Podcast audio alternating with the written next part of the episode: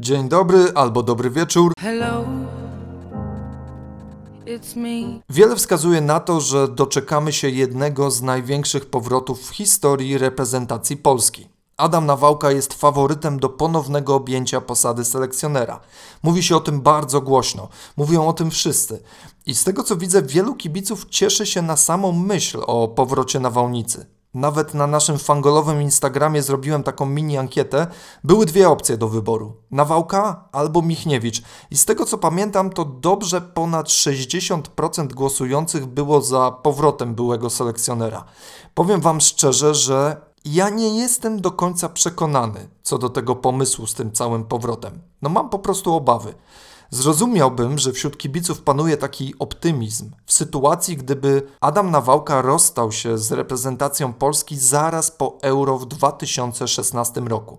Wiecie, Pojechaliśmy na turniej do Francji, zrobiliśmy świetny wynik jak na nasze możliwości, odpadliśmy po rzutach karnych silną Portugalią, która, jak się później okazało, zwyciężyła w turnieju. I wtedy, po tak udanym wykonaniu biało-czerwonych występie na francuskich boiskach, trener Nawałka wychodzi i mówi dość, stop. Wyciągnąłem z tej kadry Maxa, zobaczcie co zrobiliśmy we Francji. Teraz już jednak dziękuję za wszystko, no i odchodzę. To jest scenariusz, w którym selekcjoner schodzi ze sceny niepokonany, tak? W pełni glorii i chwały.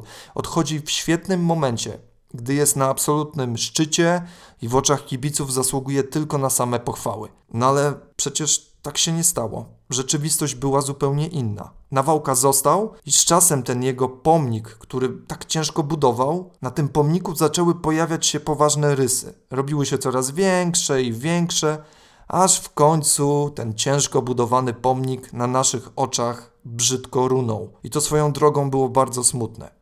Właśnie wydaje mi się, że ci dzisiaj cieszący się z możliwego powrotu na wałki na stanowisko selekcjonera zachowują się tak, jakby tego wszystkiego, co wydarzyło się po euro, po prostu nie było. Jakby cała reszta tych nawałkowych dokonań została całkowicie wymazana z pamięci. Wiecie, jak w facetach w czerni. Tommy Lee Jones i Will Smith pojawiają się i walą po oczach tym takim magicznym światłem. I nikt absolutnie nic nie pamięta. A przecież to leciało tak. Byliśmy na kolejnym dużym turnieju, czyli mundialu w Rosji i skończyło się całkowitą kompromitacją. Z Senegalem nasza defensywa sama strzelała sobie gole. Później był ten smutny mecz z Kolumbią. I na koniec, wow, wygraliśmy 1-0 z Japonią. Po tym ostatnim meczu w słowniku polskiego futbolu już na zawsze zapisało się pojęcie niskiego pressingu. Te ostatnie minuty spotkania z Japonią to był przecież jakiś piłkarski kabaret. I szkoda tylko, że taki kabaret, wiecie, przyprawiający człowieka o ciarki żenady. Tamten próbujący wejść na boisko Błaszczykowski, kładący się na murawę Grosicki. Jeju, jakby tego wszystkiego było mało, to na koniec jeszcze Nawałka dobił nas wszystkich. Zapytany o prawdopodobnie jedną z najgorszych końcówek w historii futbolu, odparł, że Polacy zastosowali właśnie ten legendarny już niski pressing. No to był, moi drodzy, koniec dobicie ostatniego gwoździa do trumny z napisem Mundial 2018. Przecież fala krytyki, która zalała ówczesnego selekcjonera, była gigantyczna. Powstały miliony memów, zresztą na fangolu, uff, ile ich było. Z każdej strony Nawałka był wyszydzany, wyśmiewany. Przetoczyła się taka beka, że głowa mała. Ta noszona na rękach reprezentacja z 2016 w 2018 przypominała już tylko taką swoją parodię. Zresztą atmosfera była daleka od idealnej. Tam czuć było, że to się sypie, gdzieś tam pęka w szwach.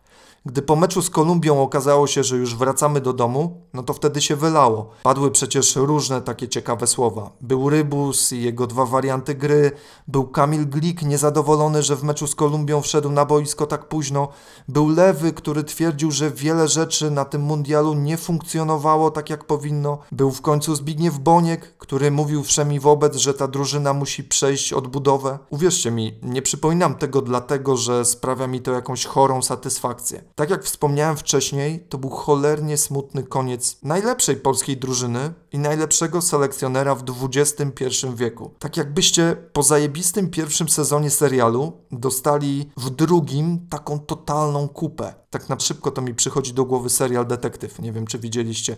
Pierwszy sezon mistrzowski, polecam. A drugi Totalna pomyłka. I trochę tak właśnie było z tą nawałkową kadrą na Euro i później na Mundialu. Do kompromitacji w Rosji doszło, fu, to już 3,5 roku temu.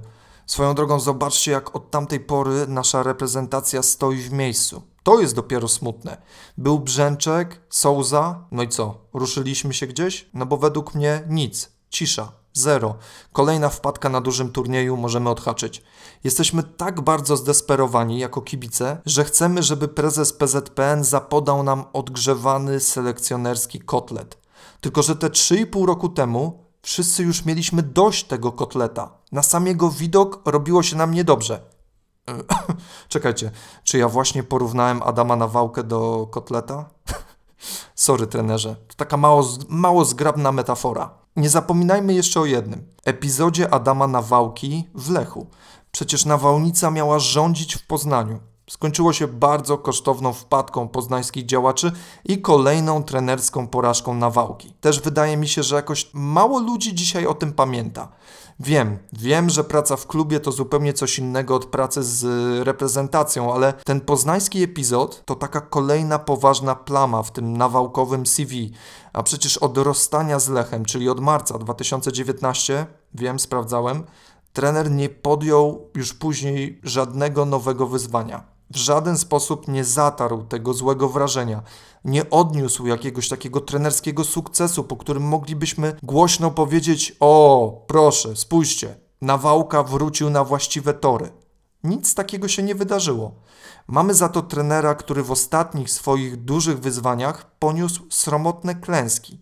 Od ponad dwóch lat nie pracuje w zawodzie, a teraz jest przymierzany do ponownego objęcia reprezentacji. I musimy wierzyć, że coś z tego wyjdzie. Zobaczcie swoją drogą, ile czasu minęło od sukcesu na Euro 2016. To za chwilę będzie 6 lat. Właśnie tego się obawiam.